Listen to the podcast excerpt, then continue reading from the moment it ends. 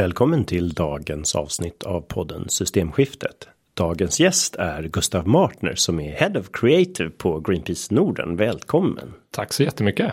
Och då undrar man vad ska vi prata om? Jo, du har ju en bakgrund i reklam och mm. kommunikation. Och det är det vi ska prata om. Hur påverkar reklamen oss och eh, hur bör vi hantera reklamen i samhället? Precis, ett favoritämne helt enkelt. ja, det kan man lugnt säga att det är det för din del. Men ja. jag tror att det är någonting som alla upplever att det finns omkring dem varje dag. Eller hur? Och det är ju inte något nytt påfund heller. Jag har en sån gammal fransk eh, reklambok från 1908 eller något sånt. Och där ser man ju att det finns ett väldigt stort fokus på att man ska berätta hur bra produkten är, vad den har för bra egenskaper. Det är det som är huvudbudskapet där. Just det. Och så var det ett tag, eller? Mm. Och sen förflyttar man sig ju då i takt med att produkternas uh, skillnader i industrialiseringen blir svårare och svårare att, uh, att skapa. Alltså massproduktion Eh, maskinerna blir ganska ja, lika varandra i viss mån i många produktkategorier. Och så upptäcker man ju så småningom att det finns en poäng att ibland prata om hur du kommer känna det och vad som kommer hända med dig istället för att prata om produkten. Så att man förflyttar sig från att prata om produkten och så bör man istället prata om dig. Alltså vad som kommer hända med dig när du får produkten. Ja just det, så riktigt gamla bilannonser då handlar det alltid om, om så här många hästkrafter, den här klationen, den här kurvtagningen ja. och så vidare. Det Precis. var det man försökte sälja in och nu är det ju någon bil i någon natur som ska frigöra dig från allt livets kval. Ja precis. Jag tror att uh, den här, uh, alltså att man snarare bygger identitet och, och, så med reklamen. Den har nog alltid funnits med. Uh, men den har kanske varit lite mer, mindre Eh, Eh, viktig i början. Eh, det finns lite, lite sådana olika trender i reklamen. Vi har när Russell Reeves kom med boken uh, Unique Selling Proposition. Då, då blir branschen liksom väldigt fixerad vid att man ska hitta en produktfördel och göra den väldigt stark istället då. Och, och där, då snackar vi liksom, ja, det här växer upp fram på 50-talet sådär. Och sen eh, när man lär sig att mäta då blir man väldigt fixerad vid att man ska ha fokusgrupper och, och sådär. Just så. det, det där ja. var populärt. Eh, när man hade tidsmätningsmän i industrin så hade man också att man skulle mäta olika. Ja. Det var väldigt populärt med surveys. Att mm. man ska undersöka vad folk tycker om de här Ja, produkterna. och stå, stå bakom speglar och titta på människor hur de reagerar och allt sånt där. Vilket jag tycker liknar lite hur vi har det idag. Då vi har en övertro på big data till exempel. Att eh, man ska kunna titta på hur folk klickar runt i sin dator och på så sätt få insikter om deras inre begär och så, vilket är ungefär lika, ja, det kommer te sig nog lite larvigt hur, vilken övertro vi hade på, eh, på big data då, även om den har ett stor effekt och sådär. Och även deep data skulle jag säga, för eh, jag har läst en bok som heter Biology, mm. eh, där han beskriver då hur den moderna reklambranschen utvecklar nya verktyg och ett av de verktygen som han hade undersökt var just att till och med använda brain scanning för mm. att studera reaktioner på olika budskap. Ja, precis. Och det, det, det har man också hållit på med och så.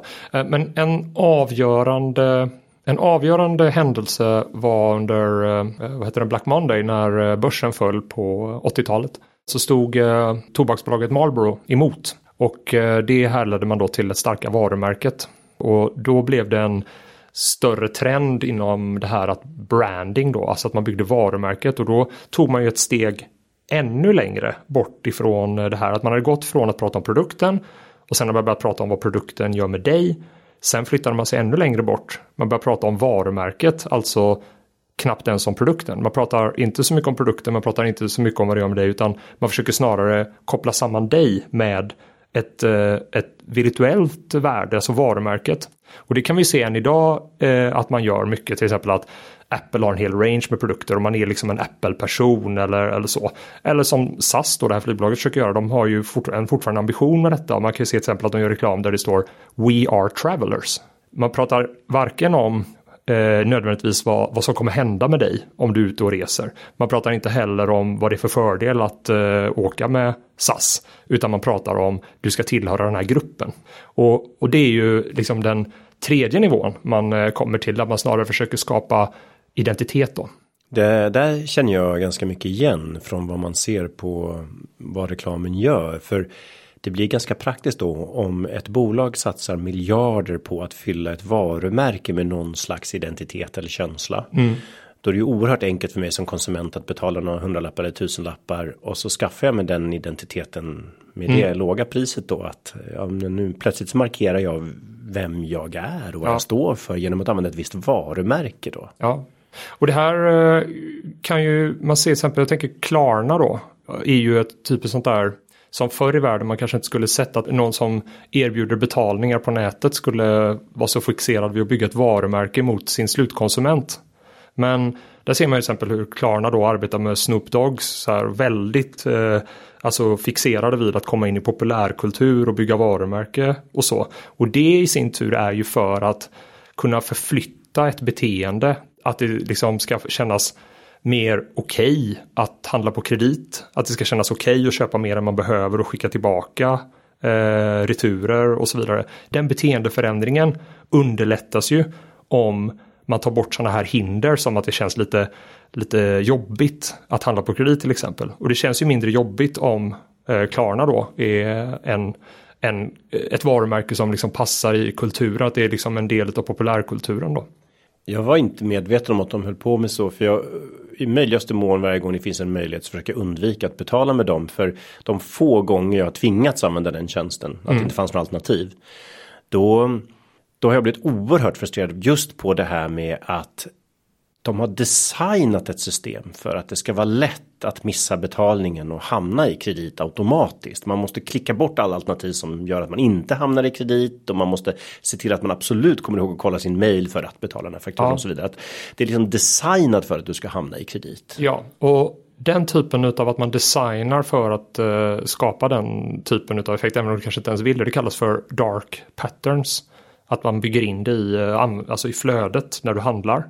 Och eh, det är en av de sakerna där faktiskt eh, om vi tar Konsumentverket då som reglerar där de faktiskt har gått in då och gjort någonting. De har satt stopp för det så att du får inte ha det som förstahandsval. Men det är fortfarande så att Klarna kan vara förstahandsvalet och att du måste manuellt gå ner till vanligt kort då. Men att det här att du per automatik får det på kredit det var ju så som det var förr, att det var första valet då. Men nu har det ändrats på grund av just att man gjort en intervention mot de här bolagen. Men hur kommer det sig då att Nordea som förstahandsval för sina kreditkort till sina kunder har minimibetalning. Det vill säga du måste aktivt klicka se faktura, sen klicka ändra belopp och sen fylla i den riktiga fakturan. Så Nordea tillämpar ju fortfarande här att om du inte aktivt ändrar och mm. går in och läser fakturan och ändrar beloppet då hamnar du automatiskt i kredit. Hur kommer det sig att de kan fortsätta med det då? Ja, det är, vet jag faktiskt inte. Jag känner inte till det caset. Men det är en typisk sån sak där man ser att man går in och intervenerar då mot eh, en, en näring. Och det är ju sånt som ibland då så, så finns det mycket reglering och det här är någonting som jag har funderat mycket på varför det är så stor skillnad. För inom, inom till exempel då konsumentkrediter där finns det ganska, man agerar faktiskt från eh, tillsynsmyndigheter när det blir för aggressiv marknadsföring eller ja, dark pattern. Ett exempel var ju när sms-lånen kom med helt hysteriska räntor. De är ju fortfarande extremt höga dock. Ja, visst helt orimligt ur ett marknadsperspektiv. Men, mm. men eh, man gjorde i alla fall en reglering där. Ja, och jag, jag tror det har att göra med att liksom man ser att, jag vet inte, en gissning skulle kunna vara kanske att när eh, medborgarna eh, blir, hamnar i de här problemen så får ofta samhället ta hand om det. Och jag kan tänka mig, och det här kan ju du mycket om Karl för du har jobbat med det här, men jag tänker att att, det lyck att man lyckades få de här interventionerna mot till exempel tobaksbolagen byggde nog också mycket på att man faktiskt fick ta väldigt mycket kostnader direkt ur skatt, skatten va, för att ta hand om människor med cancer och så. Eh, så och om man då tittar på till exempel eh, reglering utav sparformer, Finansinspektionen, eh, att sälja olika typer av finansiella instrument och så. Där finns det också en större grad utav att man agerar hårt och resolut när någon gör fel. Men av någon anledning så inom miljöområdet så finns inte den här jag säga, kulturen eller den här insikten. Man går hela tiden tillbaka till att Nej men just inom miljöområdet där ska man bara liksom eh, göra bättre nästa gång. Man ska inte få några böter. Man ska inte få några eh, ta konsekvenserna av att man till exempel har sålt någonting med felaktiga miljöargument. Eh, man ska inte behöva städa upp efter sig om man säger så efter att ha gjort en reklam som är felaktig och som blir fälld och så. Och det är för mig fascinerande att, eh, att samhället inte ser att de kommer behöva ta kostnaderna för all den här greenwashingen förr eller senare. Och att de redan idag tar kostnaderna. det är ju inte som att klimatförändringarna kommer vara billigt för oss. Nej, och det är ju intressant för här har vi en skillnad då mellan EU och USA i rättstradition. Att mm. i USA så är man lite lös med att släppa igenom saker men om några företag säljer någonting som orsakar stora skador då kan de få en class action suit. Alltså att, att mängder med människor går och stämmer bolag på mångmiljardbelopp. Mm. I EU är bolagen ganska skyddade med det om man lägger över ansvaret på politiken att inte tillåta någonting som är för skadligt. Men det är uppenbart här att politiken faktiskt inte tar sitt ansvar här. Nej, det är någonting med miljöområdet. För när vi gjorde en granskning på hur mycket böter som hade, hur många viten som hade delats ut för eh, vilseledande miljökommunikation. Då visade det sig att det hade delats ut ett vite på tio år. Det känns ju inte direkt som en överdriven risk att åka fast där. Det kan man ju lugnt säga. Och den summan var på 900 000, vilket råkade vara eh, samma summa som samtliga klimataktivister fick i böter för att ha stört trafiken i Göteborg under en klimatdemonstration. Och det, det fick mig att känna att systemet är liksom riggat för att skydda de som gör miljöbrott. Men ja. de, de bötfäller människor som vill säga emot. Det här fallet som du pratar om, vad var det de fick böter för? Varför fick de böter? Det var Kia då, biltillverkare Kia, som eh, först fick, som det ofta är då, eh, tillsyningsärende eh, från Konsumentverket.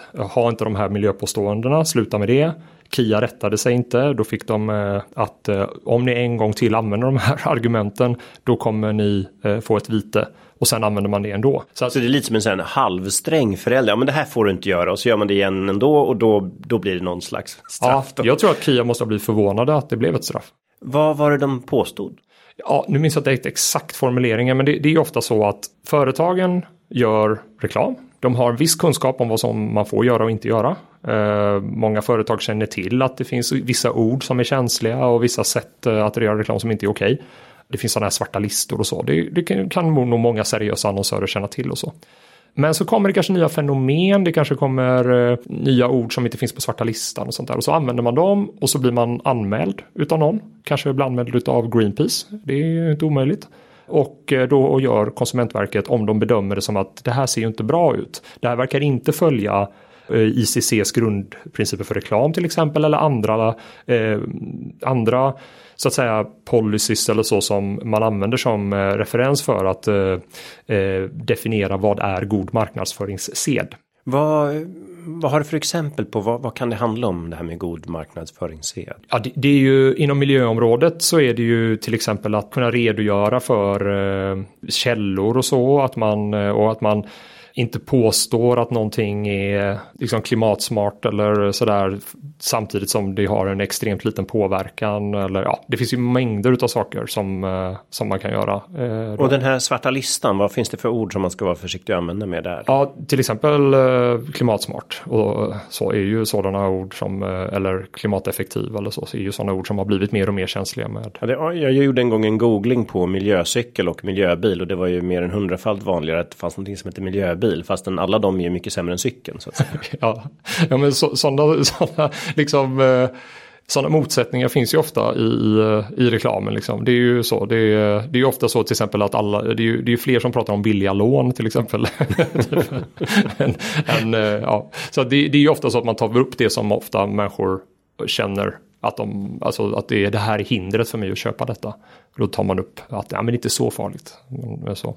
men då i alla fall så vi, har ju, fick ju en fällning av BMWs annons där de skrev att de var världens bästa bil för klimatet eller världens bästa bilvarumärke för klimatet. Just det, samma dag som Greta Thunberg ansvarade för Dagens Nyheter var det väl? Ja, dessutom. precis. Och de ja. valde ju även eh, en design då där de tog eh, och gjorde liksom ett Greta-plakat. De använde sig av den utformningen då. Vilket många reagerar på. Och det var ju inte kanske det som egentligen är enligt lagen det stora problemet att man eh, spoofar eller vad man nu ska säga lånar utav någon då som de gjorde där utav Greta. Utan problemet var just att de påstod att det var det bästa var, eh, varumärket för klimatet. Och det hänvisar de då till Dow Jones Sustainability Index som nyligen tog med Lundin Oil två dagar efter att de blivit åtalade för folkrättsbrott. Ja, kan man ju lägga till. Precis. Det är trovärdigheten i ja. det indexet. Ja, och det indexet då. Jag fick nämligen när jag såg den annonsen så kände jag bara direkt så här att det, det, det, kan inte vara så att de, om det är en seriös undersökning så kan de inte bli rankade bäst. För eh, inga bilvarumärken är, är liksom eh, fläckfria på något sätt. Men BMW är sannoliken inte det bästa. Eh, det kan inte vara så. För jag har ju liksom tittat på massa rapporter från Greenpeace i Tyskland och så om de här biltillverkarna och BMW ligger ju inte bra till där. Nej. Så jag bestämde mig för att granska hela indexet och det var väldigt komplicerat. Eh, det var inte lätt att få tag i källorna. Eh, jag var tvungen att skaffa konton för att logga in. Jag var tvungen att ladda ner massa pdf-er och sen var jag tvungen att ta fem pdf-er, föra ut datan ur de här fem separata pdf-erna, sammanställa dem i ett eget Excel-ark och sen rensa vilka som faktiskt var biltillverkare och ta bort vad som är däcktillverkare till exempel. Jag var tvungen att titta på vilka säljs på svenska marknaden. Jag var tvungen att göra ett hästjobb för att komma fram till att av de tio mest sålda bilarna så var endast två med i undersökningen. Och BMW vann inte ens i alla kategorierna över den bilen. så att det var, det var liksom eh, och det är typiskt skäl till kritik. För dels är det felaktigt och dels så krävdes det väldigt, väldigt mycket arbete för mig att ta reda på det här faktan bakom miljöpåståendet. Så det är två saker i en sån annons då som är värt att fälla. Och det är ju typiskt då greenwashing båda två då. Dels att det är felaktigt, det är ju en ren felaktig uppgift som man marknadsför sig och man lutar sig på undersökningen på ett felaktigt sätt. Men sen också att det är väldigt svårt att titta om det stämmer. Och en konsument, en genomsnittskonsument ska kunna eh, enkelt kolla ifall det stämmer. Man ser ganska ofta att olika företag hänvisar till undersökningar som visar att just deras produkt är bäst på olika sätt. Ja. Vad finns det egentligen för lagkrav här? Ja, det finns ju massa lagkrav. Det är ju inte god marknadsföringssed att uh, göra så. Och det som händer då det är att de blir kanske fällda då. Problemet är bara vad vad blir fällningen? Alltså, vad, vad gör det för skillnad? Berätta, om man blir fälld, måste man då köpa en lika stor annonsplats och berätta att man hade fel? Nej, man behöver faktiskt inte göra någonting. Och att jag använder ordet fälld, det är också lite felaktigt för att det är inte så att det är en fällning om till exempel Konsumentverket uh, gör någonting utan de startar ett så kallat tillsynsärende. Mm. Och jag vet inte, det är ju ganska soft ändå. Det, ett tillsynsärende betyder egentligen att man skickar ett brev till uh, företaget. Så när vi granskar till exempel Preems stora kampanj. Då, då det, det minns jag. Vi lämnade ju in, det var väl Greenpeace, vi lämnade in eh, en anmälan kring Preems. Ja. Ehm, det var ju då tall eller tallolja eller biobränslekampanj då som de hade. Ja, alltså det här är ju ganska talande då. Preem har haft två tillsynsärenden kring ungefär samma påståenden. 2016 så var det eh, flera som anmälde dem för just det här tallolja, alltså att vi, eh, nu kan du köra på kottar till exempel var ett sånt budskap att man kör, man kör bil på kottar och, och så. Då fick de ett tillsynsärende. Det betyder att de får ett brev från eh, Konsumentverket där Konsumentverket säger att eh, det här eh, ser inte ut att vara i, i, eh, i enlighet med god marknadsföringssed. Och då får Preem möjlighet att svara. Och ofta svarar då företagen att ja, de, de brukar svara ungefär så här eh, i alla svar. För de använder sig av ungefär samma advokater och som ungefär standard eh, sätt att agera. Och det är att man säger vi tycker nog att vi har tagit så mycket ansvar vi har kunnat och vi har massa skäl till att säga så här och så radar de upp kanske två A4-sidor med skäl till varför man kan säga att man kan köra på Gottar.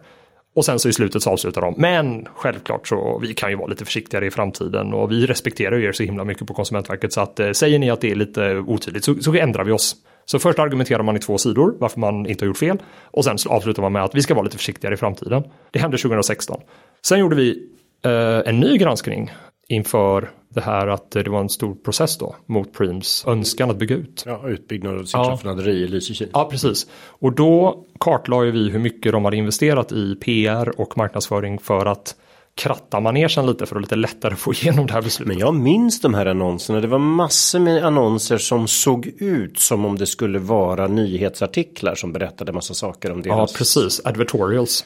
Ja, så heter det. Mm. Mm. Och den här granskningen ledde till ett nytt tillsynsärende. Och då skulle ju man kanske kunna tänka sig att logiken vore att eftersom de 2016 hade blivit kritiserade och lovat att de skulle vara försiktigare och nu kommer ett nytt tillsynsärende på ungefär samma typ av reklam, samma typ av argumentation, att det direkt då skulle det skulle låta tjoff och så skulle de få en bötesbelopp rakt av och dra in annonserna eller eh, ja, eller vad det Men då är det ett exakt likadant tillsynsärende och ett ganska exakt samma svar. Där de säger vi ska vara försiktigare. Så det blir inga böter? Ingenting. Ingen Fast man har lovat en sak och gör tvärtom? Ja.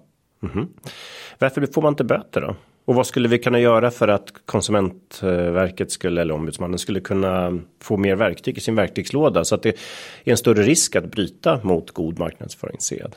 De har fått lite nya verktyg det senaste för den här kritiken har ju varit ganska massiv. Så man har gett Konsumentverket möjlighet att eh, hota om vite så att säga utan att de behöver gå via domstol. Så det är ju en liten förbättring.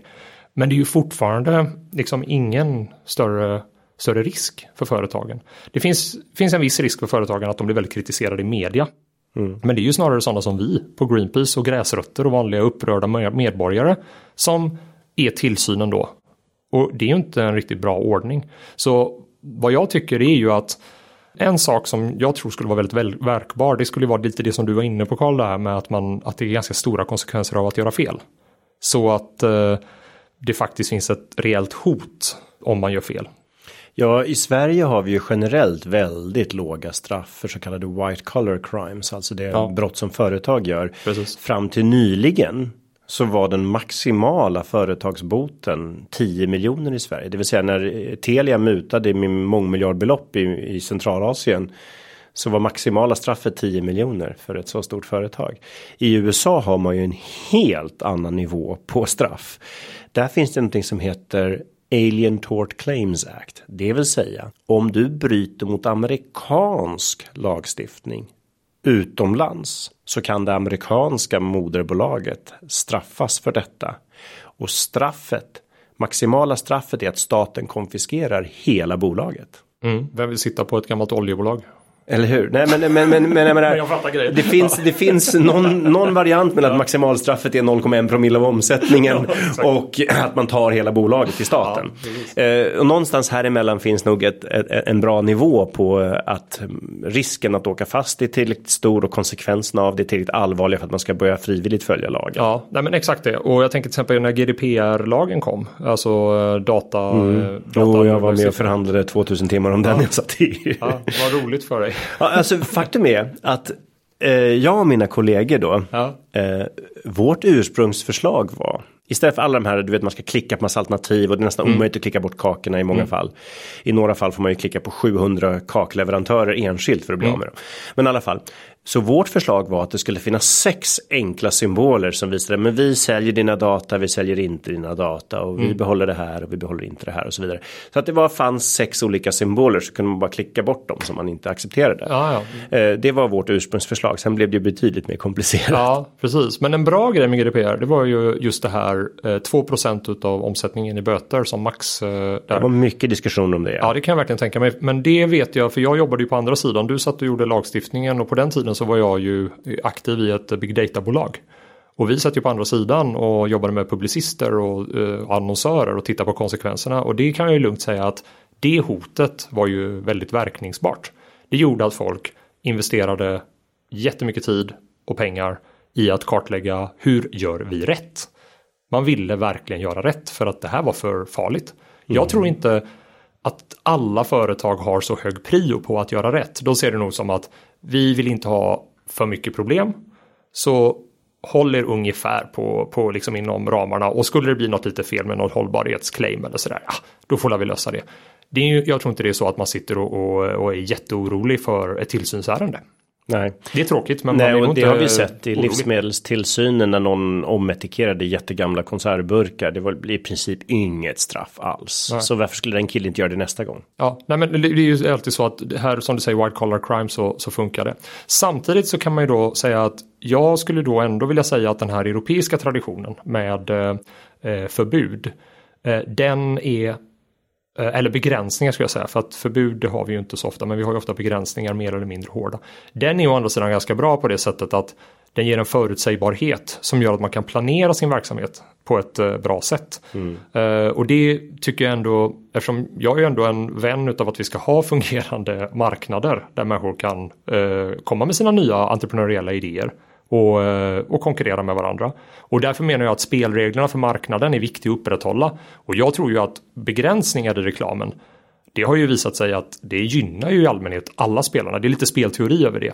Ja, men inte bara spelteori. Det, det är ju faktiskt en, en seriös ekonomisk konsekvensanalys. Det vill säga att reglerade marknader fungerar i princip alltid bättre än oreglerade. För oreglerade tenderar att, skapa i princip monopolstrukturer när det starkaste bolaget köper upp alla konkurrenter. Så mm. att reglering behövs på olika sätt. Och det är väl här jag tycker det är att vi inte tillräckligt ofta vågar reglera. Ett exempel som jag själv var väldigt aktiv i. Jag var med på den. Eh, jag var EU-parlamentets representant när FN fattade beslut om att reglera cigarettmarknaden till exempel tobaksmarknaden. Mm. Och det var första gången någonsin då eh, artikel 5.3 där man faktiskt förbjöd eh, i princip lobbyism. Mm. Politiker skulle inte lyssna på tobaksindustrin. Om de var tvungna att göra att träffa tobaksindustrin så skulle varje sånt möte bli offentligt och bokföras. Mm. Och tobaksindustrin fick då inte hålla på och lobba och påverka politiker på traditionellt sätt. Och man förbjöd då eh, eh, olika former av eh, påverkan från cigarettbolagen på olika sätt. Och eh, många länder införde som en konsekvens då Uruguay var bland de första med att införa sådana stora varningsbilder och Australien gick så långt att man hade helt neutrala cigarettpaket med en specialdesignat ful oattraktiv färg och stora varningsbilder och inga varumärken, inte ens logotyper eller någonting sånt, utan det var bara det stod vad det var för något och sen var det inget mer med det. Det har vi inte sett för någon annan produkt egentligen. Nej, tobak eh, och cigaretter framförallt är ju lite av den produkten som man nästan kan se hela reklamfenomenet genom. För att cigaretterna är eh, både den produkt där vi först ser det här att man eh, skapar behov istället för att konkurrera med produktfördelar. Och där finns ju en väldigt känd kampanj, den första sån här liksom PR-kampanjen där man, eh, där man bygger identitet med produkt. Och det är egentligen att ett tobaksbolag i USA tycker att borde vi inte kunna få kvinnor att röka? Så istället för att män, att vi, att män då väljer cigarettmärke så expanderar vi marknaden och då kanske vi skulle då som marknadsledare vinna på det. Så istället för att sälja just vårt varumärke så låt oss bara få fler att röka så kommer ju vi vinna på det. Det är var det klassiska. en branschöverskridande samarbete? Nej, det var bara att de var stora. American Tobacco Company var ah, stora. Ja. Så det är lite så att eh, du vet att om man är ett ölmärke så är man Prips. Då kan man ju göra reklam för att, för att få folk att dricka öl för man är liksom stor. Men om man är en mikrobryggeri då måste man prata om sitt specifika öl då. Ja, och här ser vi ju konsekvenserna. Om det här lämnas helt um, omarkerat så att säga och marknaden får fritt spelrum då har vi en situation idag där fyra ölbolag säljer mer än hälften av all jordens öl och gör 75% av alla jordens vinster på öl. Då spårar det till slut ur om man har helt oreglerat eh, det här. Ja, ja men, ja, men precis. Men och, och tillbaka till den här cigarettgrejen. Det som händer då det är att Eh, de här tankarna om eh, som Sigmund Freud och, eh, och, så har lanserat att man, att man kan liksom arbeta med människors inre drivkrafter och begär och sånt där. De har ju börjat slå igenom och då är det en person som har studerat för för honom på hans institution men som har fått lämna på grund av lite, eh, lite sådana här skandaler på universitetet. Så han har fått börjat jobba då för det privata istället och försöker då applicera sina kunskaper om människans inre drifter då eh, för den här PR-byrån då. För och, tobaksindustrin? Ja, och då, då säger de att låt oss göra cigaretten till en symbol för kvinnlig frigörelse. Torch of Freedom. Och eh, så anlitar man då feminister att röka i demonstrationståg för kvinnlig frigörelse i tidigt 1900-tal. Och på det sättet så tänker man att en ung eh, progressiv kvinna kommer börja röka för att positionera sig för en viss värdering då. Och det är ju en, en av de absolut första exemplen på den här typen av reklam. Då som... Så det här med dold produktplacering det är väldigt gammalt? Ja, det är, det är lika gammalt som att sälja produkter skulle jag säga. Och här har du att femvertising som vi pratar om idag. Eh, det, är, det är alltså, the original femvertising det är Torches of Freedom tidigt 1900-tal i USA. Och då ser man att man kan expandera en marknad för en produkt. Så sen fortsätter det och alla de här händelserna i att sälja cigaretter eh, roade jag mig för att, plotta in på en graf över antalet sålda cigaretter per dag i eh, hundra år. och eh, den kan vi kanske posta här i Instagramflödet. Ja, vi, vi, vi, på den här podden gillar vi allt nörderi ja, så det ska jag absolut göra. Ja. Och då ser man det att eh, där Torches of Freedom kommer, då det, det, är en, det är en del av en ökad uppgång utav försäljning av cigaretter i USA. Eh, man kan också se effekter utav när när The Marlboro Man kommer. Alltså det konceptet. Uh, och för lyssnarna då så finns det faktiskt många Marlboro men för flera av dem har dött i lungcancer på vägen. Stackarna. det är sorgligt men, men det är också sorgligt. Nej, men, ja, men det sorgliga är faktiskt att eh, reklamen direkt orsakade deras lungcancer. För en del av kontraktsvillkoren för många av dem var free lifetime supply av cigaretter. Oh, fy vad mörkt alltså. Så att, eh, det är faktiskt väldigt sorgligt. Ja det är verkligen. Och det, den kom ju där på, eh, på sent 50-tal eller 60-tal kanske något sånt där. där. Och sen ser man att de första interventionerna, de första begränsningarna, de är faktiskt helt verkningslösa. Den första interventionerna mot tobaksbolagen, det är nämligen att de ska eh, göra motreklam. Alltså att de får göra hur mycket reklam de vill, men de måste lägga lite pengar på att göra informationskampanjer om att det är farligt att röka.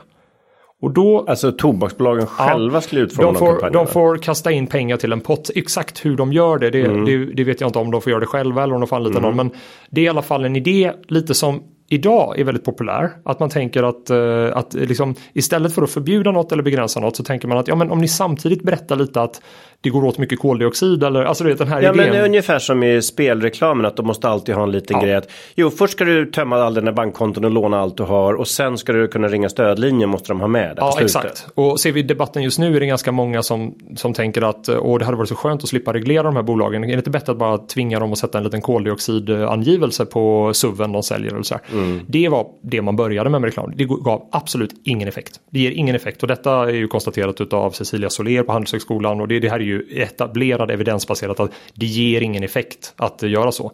Däremot efter några år när man har sett att det här inte gav resultat. Då kommer den första riktiga eh, interventionen på riktigt. Att man inte får visa eh, lyckade rökande människor i tv. Man får inte visa alltså konsumtionen i tv. Och då försvinner ju lite av den här känslomässiga bandet som man kan uppstå när man ser eh, Marlboro Man, den här framgångsrika personen man vill vara. Man, får helt, man rycker helt enkelt ett av verktygen ur handen på tobaksbolagen. Då ser man den första riktiga effekten. Sen kommer det hårdare och hårdare regler eh, över tid som du beskriver där då. Ja, ja, men till exempel det här var ju då 2004 eller 2005 om jag minns rätt när den här FN-konferensen var. Och um, det var ju då de här globala kampanjen uh, tog fart. Ja. Och, och sen uh, innan det så hade man då börjat gradvis reglera tobaks uh, produktplacering till exempel genom att det fanns tobaksbolag som startade klädmärken. Ja, det var ett sätt att komma runt de här förbuden då. Exakt. att man gjorde ett, ett klädmärke och så. Och alla de här kryphålen är ju så viktiga för oss att titta på. För nu när vi driver den här kampanjen mot fossilbolagen att vi ska vrida det här verktyget ur händerna på dem så de inte kan greenwasha eh, eftersom de har störst anledning att göra det utav alla eh, mm. bolag på marknaden. Då är det ju viktigt att vi täpper till de här kryphålen direkt. Eh, som det tog flera år att upptäcka att tobaksbolagen ägnade sig åt. Ja, för nu är ju cigarettreklam och tobaksreklam förbjuden. Ja, till exempel. Och det, och det är det mest extrema. Det finns till exempel alkoholreklam är reglerad, den är mm. inte helt fri. Och sen så finns det liksom gradvisa regleringar som blir svagare och svagare för olika typer av produkter. Mm. Det som förvånade mig när jag tittade på detta det var just att faktiskt reklamen stack ut så mycket. Att eh, om man tittar på försäljningen per dag av cigaretter över 100 år och när jag plottar in till exempel förbud att röka på restauranger eller uteserveringar och så, man ser inte riktigt de eh, så att säga effekterna lika starkt som man ser reklamförbud. Eh, man ser inte heller det här varningstexteffekten och så. Sen är det ju ofta ihopklumpat, vet att det kommer en helt lagpaket med massa olika saker. Eh, ja, så det är svårt och, att... och sen beror det också på vilken nivå. Man har sett att den här textvarningen hade inte så stor effekt. Men när Uruguay införde sin bildvarning, det hade större effekt. Och ja. i länder som har låg grad av läskunnighet är det helt avgörande med bildvarningar. Och, och sen såg man då att när Australien införde helt neutrala eh, paket mm. så, så fick det också en effekt. Men varje effekt är ju marginalen på nästa steg. Så att säga. Ja, exakt. Och, och sen finns det ju också, jag, jag, jag, kollade ju min, jag är ju ändå head of creative, jag är inte data scientist. Så att jag, jag kollade ändå av min lilla spaning då med en docent i ekonomisk historia. Mm. Eh, och han, han sa ju det att jo men det här ser ju ganska rimligt ut men det är klart att det är ju svårt svårt att isolera vad är ja. hönan och ägget här. För att det kan ju också vara så att lagstiftningen var möjlig att genomföra på grund av att ett minskat, eh, alltså en minskad lojalitet med den här produktkategorin från eh, viktiga människor i samhället. Alltså, och så, så att det finns ju såklart ett hönan och ägget. Men jag har ändå tittat på många länder där det finns lite olika kultur kring cigaretter och sådär.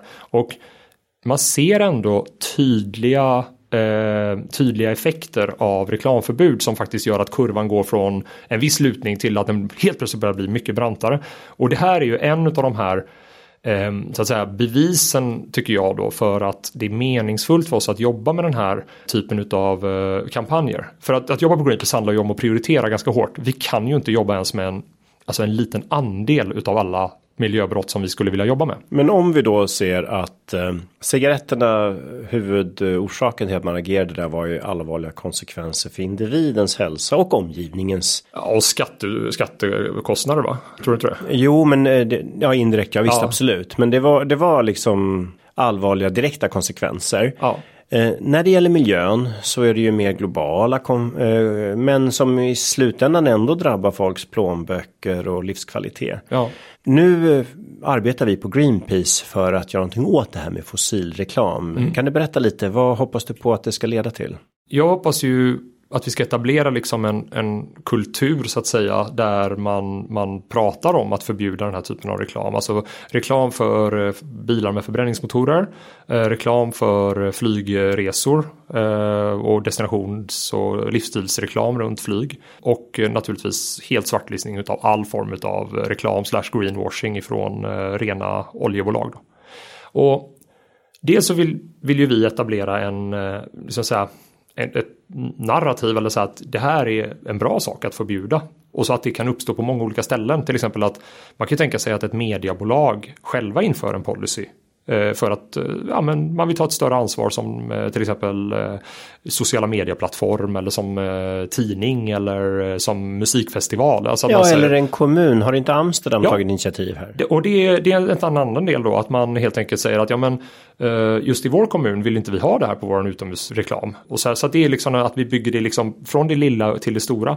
Men det största som vi gör det är att vi har ett initiativ där vi samlar in en miljon namn beskrifter Så att EU-kommissionen kan eh, titta på eh, lagförslag kring detta.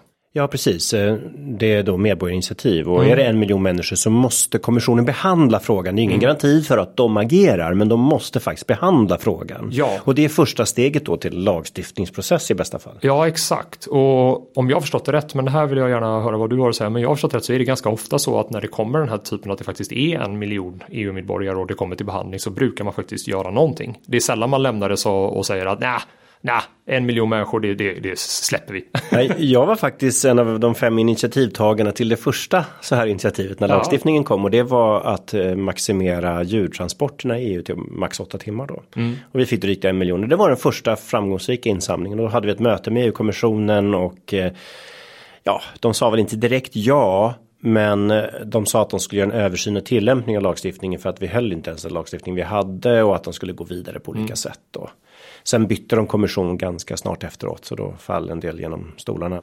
Men eh, det har alltid lett till ganska mycket debatt både i parlamentet och i kommissionen och det förflyttar ju positionen och, och om vi får ett sådant här framgångsrikt medborgarinitiativ då kommer det i sin tur i bästa fall då leder till att EU fattar beslut. Men i näst bästa fall är det att massa kommuner och länder tar intryck av den här debatten. Ja men precis och det är ju, äh, finns ju massa sekundära effekter utav, äh, av det också. Men, men jag hoppas ju att det här är det stora initiativet som kommer landa och också att vi lyckas få in en miljon underskrifter. Vi ligger ju på en 150 000 nu eller något sånt där. Ja. Mm, vi har eh, året på oss här. Ja, men eh, om man nu vill skriva på det här uppropet då, vad gör man då? Då går man in på greenpeace.se fossilreklam. Tack för att du frågar. ja, det var ett reklamavbrott. ja, ja rent, rent, definitionsmässigt var det inte ett reklamavbrott eftersom vi jobbar ju med yttrandefrihet. Och eh, det är viktigt att göra en skillnad på reklam och yttrandefrihet. Det är en av de stora missförstånden som jag alltid hamnar Ja, men det var viktigt att du tog upp faktiskt. För när jag arbetade för eh, cigarettreklamförbud mm. så var Sverige en av de mest hårdnackade motståndarna för enligt då juristerna på regeringen så hade alltså ett cigarettpaket exakt samma skydd för yttrandefrihet. Det var lika skyddsvärt som att eh, rädda en tidning eller en bok från censur. Mm. Ja, det, det, är, eh, det är ju inte så och ehm, det som har hänt sedan dess är väl möjligen då att man kanske har förtydligat det då med tanke på att sådana auktoriteter ändå tyckte det hade de kanske juridiska skäl till att, eller lagligt stöd att tycka. Men vi har ju en skillnad idag på kommersiell kommunikation och eh, alltså reklam helt enkelt. Då. Och det är ju det man brukar säga kommersiellt förhållande till föremål. Alltså om eh, reklamenheten har kommersiellt förhållande till föremål enligt ganska strikta mm. eh, beskrivningar då. Då är det reklam men om det är mer utav en eh, så att säga, opinionsbildande text eller reklam alltså betald eh, annonsplats med opinionsbildande syfte, då ska den gå in i yttrandefriheten. Som du hör här så är det väldigt mycket gråskala. Mm. Och det som händer här är att det är ganska ofta som inte saker är riktigt i synk. Eh, du nämnde advertorials innan, alltså att uh, Preem gjorde en stor insats där de köpte någonting som såg lite ut som artiklar men det var... Någonstans upp eller ner stod det en liten grej att det här är en annons. Ja. Men i övrigt såg det ut som en artikel. Ja. När vi då skickade in dem till Konsumentverket Eh, Eh, med mängder av tydliga eh, pilar på exakt var det var en ren lögn, var det var en överdrift, var det var, alltså vi, hade ju, vi hittade ju eh, mängder av överträdelser. Då valde de faktiskt att förkasta allt det vi klagade på med äh, argumentet att den här advertorialen är skyddad av yttrandefriheten. Det är inte reklam. Fastän de direkt uppmanade att gå med i kundklubbar eller annat? Ja, det gjorde de inte i dem då, utan ah, de, okay. de, de, gjorde istället då så här att de sa att uh, ja, men elbilen är till exempel, en, en, en väldigt chockerande annons var att de, de hade en person som sa elbilen är inte alltid bäst för klimatet. Och så hade man en argumentation till varför man kanske ibland skulle köpa en dieselbil istället för el och, och det egentligen ändå vara en miljöhjälte. Och det hade en expert inom situationstecken sagt och den här experten visade sig sen när jag kollade LinkedIn var en person som jobbar på marknadsavdelningen hos dem. Mm. Så hon var ju expert på något. Hon var expert reklam. på att gynna Preem i alla fall. Ja, och expert mm. på PR och sånt. Men mm. man tänkte ju kanske att det var en expert på bilar. Men där i alla fall så kunde vi inte komma åt de advertorialserna. Eh, mm. Och då måste man ju säga att vem har då ansvaret om man, för då kan ju företag ganska enkelt flytta över pengar till eh, till eh, att köpa advertorials istället och därmed slippa mm. relatera till marknadsföringslagens ganska hårda regler. Och det som händer då det är ju att man nästan måste gå till publicisterna och säga är det här rimligt att ni erbjuder den här produkten? Mm.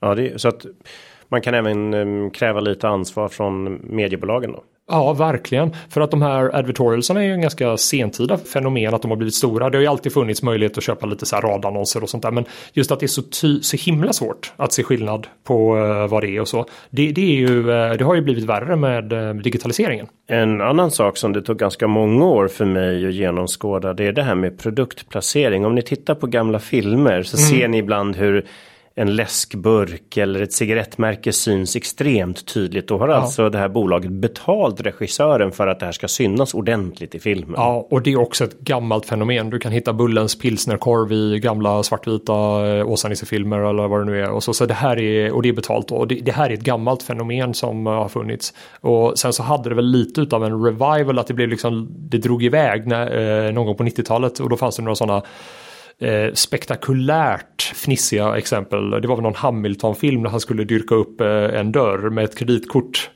Och det var liksom klipp till, han kommer till den här dörren och sa klipp till Statoil-kortet och så verkligen närbilder han så här försiktigt tar in ett litet litet hörn och håller liksom med, med liksom fingertopparna för att loggan ska synas av det här kortet. Ja och i vissa filmer kanske till och med huvudpersonen har en kärlek till ett visst varumärke eller en viss produkt eller mm. en viss mat eller någonting. Ja, man skriver in det i manus. Man skriver in det i mm. manus, det blir en del av content till och med. Precis, och här om man tittar på om vi vill ta produktutveckling ännu en nivå så är det ju så att uh, Gossip Girl, det formatet är eh, framtaget för att innehållet, alltså hela innehållet, hela idén, allting ska vara bra innehåll för att reklamen i reklampauserna ska gynna eh, Johnson Johnson. De var så med och tog fram och finansierade piloten för de ville ha en viss typ av innehåll. Så det var inte det här att man skrev in deras produkter. Det är inte så att hon huvudpersonen schamponerar sig. Mm. Utan det var just att man sa vi vill ha en film som, eller ett tv-serie där till exempel mamman och dottern har en bra relation.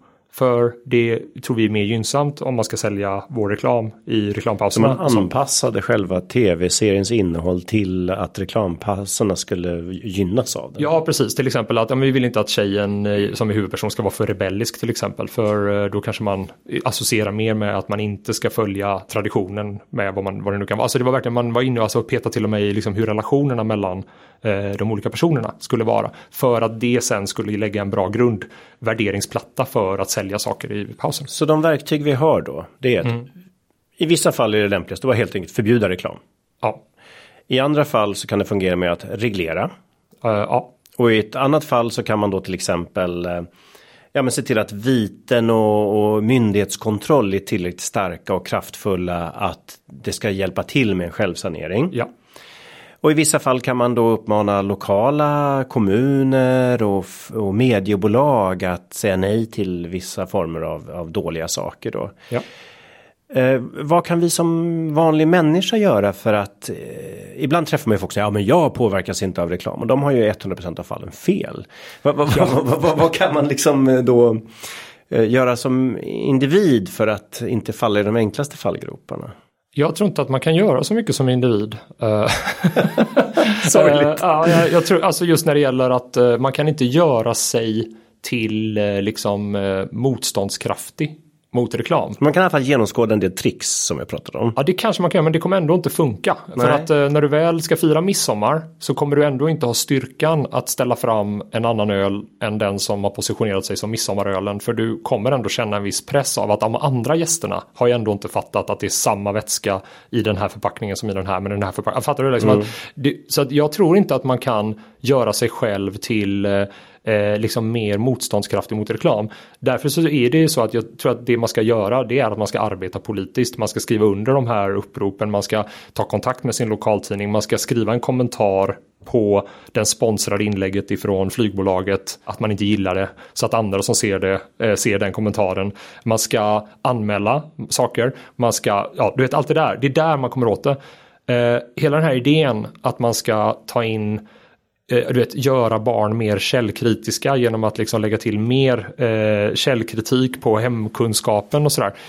Jag, jag, jag, säger inte att det är ett dåligt initiativ men det är inte där du kommer komma åt de här problemen. Den här boken refererade till för Biology, där hade han exempel på det att i genomsnitt utsätts amerikanska barn för 10 000 reklambudskap i veckan. Och ungefär 300 konversationer med sina föräldrar. Så det är underläge 30 mot 1 hur du än gör. Ja, och jag upplever det lite som, jag har ju suttit i en utredning för regeringen om just barn och reklam i digitala medier. Jag kampanjade mycket på det innan Greenpeace. Och jag upplevde det som att utredningen liksom tappade väldigt mycket energi så fort man försökte säga kan vi inte ställa krav på Facebook eller kan vi inte, alltså så, det blev liksom inte det här att folk, folk liksom blev lite tysta runt bordet och så varje gång jag tog upp sådana saker. Och det hände inte så mycket. Men så fort någon tog upp, kan vi inte eh, hålla på och peta i skolplanen och lägga till mer eh, utbildning för barnen så att de kan stå emot allt det här? Då tyckte alla, ja men det kanske vi skulle, alltså, och för mig var det helt galet. Det fanns ingen evidens för det och dessutom kändes det som att har inte de redan ganska mycket annat de ska göra i skoldagarna? Ja, eh, men det har jag upplevt ganska mycket när jag var politiker också. Att det fanns en otrolig rädsla att helt enkelt förbjuda. Alltså, varför ska du tillåta jättegiftiga rengöringsmedel eller pesticider till konsumenter. Det är bara att förbjuda. Ja. Och så slipper man sitta där och fundera på vad det är man köper. Då vet man att allt jag köper är säkert att använda. Ja. Det, det, är ju mycket enklare, det är mycket, mycket mer konsumentvänlig. Det är en mer valfrihetsvänlig för att du behöver inte ägna onödig tid att granska allt du köper. Det är ju faktiskt ofta det mest fria alternativet ibland att förbjuda någonting som är så farligt att det här, det här kan vi lika gärna bli av med. Ja, och begränsningar är ju ofta ganska bra begränsningar inom en viss ram är ganska bra. Om man tänker när gjorde Sverige som absolut bäst reklam? Ja, det gjorde vi faktiskt på 90-talet. Och en teori varför Sverige gjorde så himla bra belönad reklam på 90-talet, det var för att det fanns ganska lite tid att kommunicera tv-reklamen på. Så när du hade dina tre minuter som var väldigt, väldigt dyra, då fick du verkligen, verkligen göra bra grejer.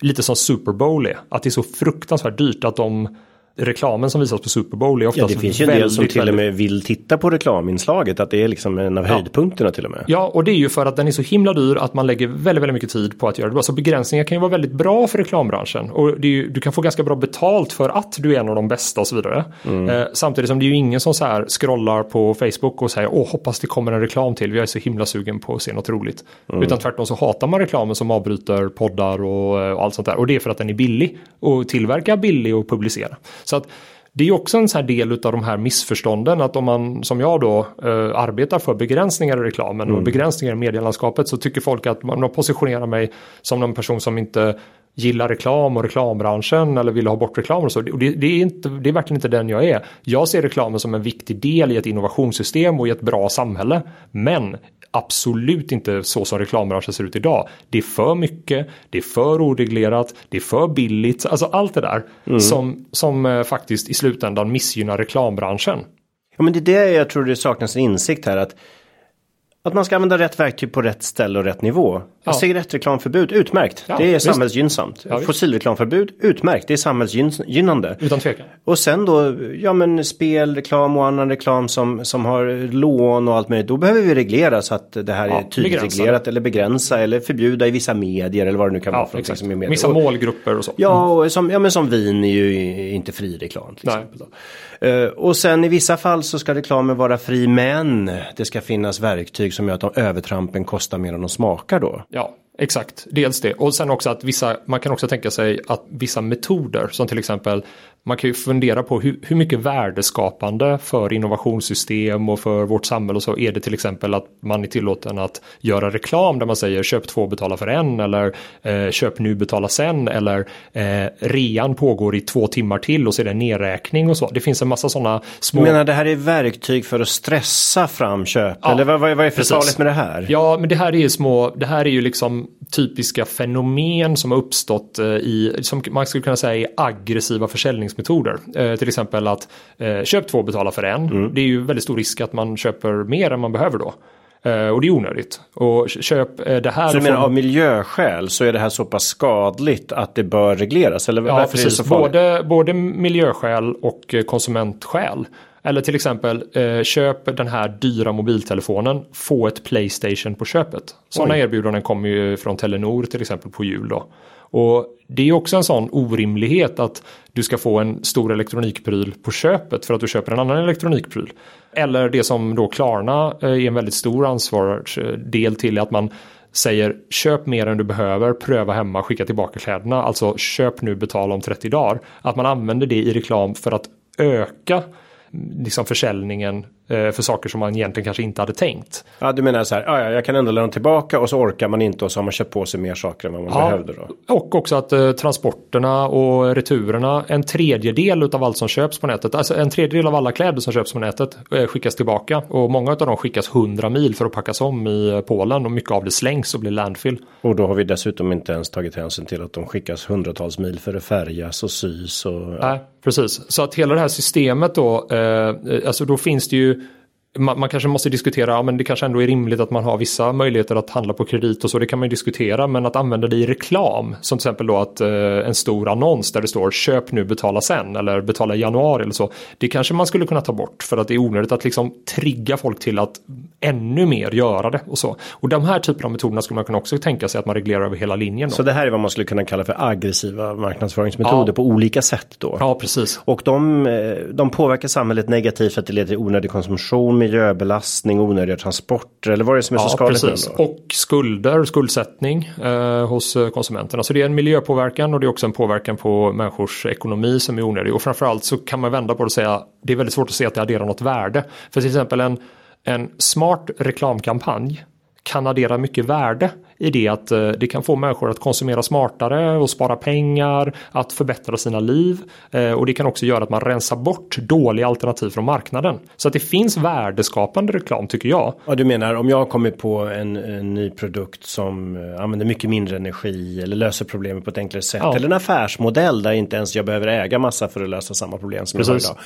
Då, då är det viktigt att den har möjlighet att penetrera marknaden med hjälp av reklam. Ja, exakt. Ett bilkooperativ som har blivit super superbilligt och bra på grund av ett smart användande av appar. Det är väl ganska bra att de får berätta det. Så mm. att folk köper färre bilar till exempel. Det kan väl eh, alla gilla liksom. Och då, då, måste vi ha möjlighet att köpa reklam. Eller till exempel att någon har hittat ett helt nytt sätt att sälja el. Att istället för att uh, tjäna mer pengar ju mer el man säljer så säljer man till fast avgift uh, och så vidare. Och så, det finns ju massa sådana saker som behöver reklam. Och det är där jag menar att det finns värdeskapande reklam. Men om man tittar då på vissa metoder så har jag väldigt svårt och jag, många med mig, att se värdeskapandet i de mest aggressiva försäljningsmetoderna. De verkar ja. mest finnas där för att få ut så många containrar med varor så fort som möjligt. Och det verkar finnas en väldigt stor risk att folk köper någonting de kanske egentligen inte skulle ha köpt. Och det påverkar livskvaliteten negativt. Ja, precis. Och det påverkar väl negativt på många olika plan. Då.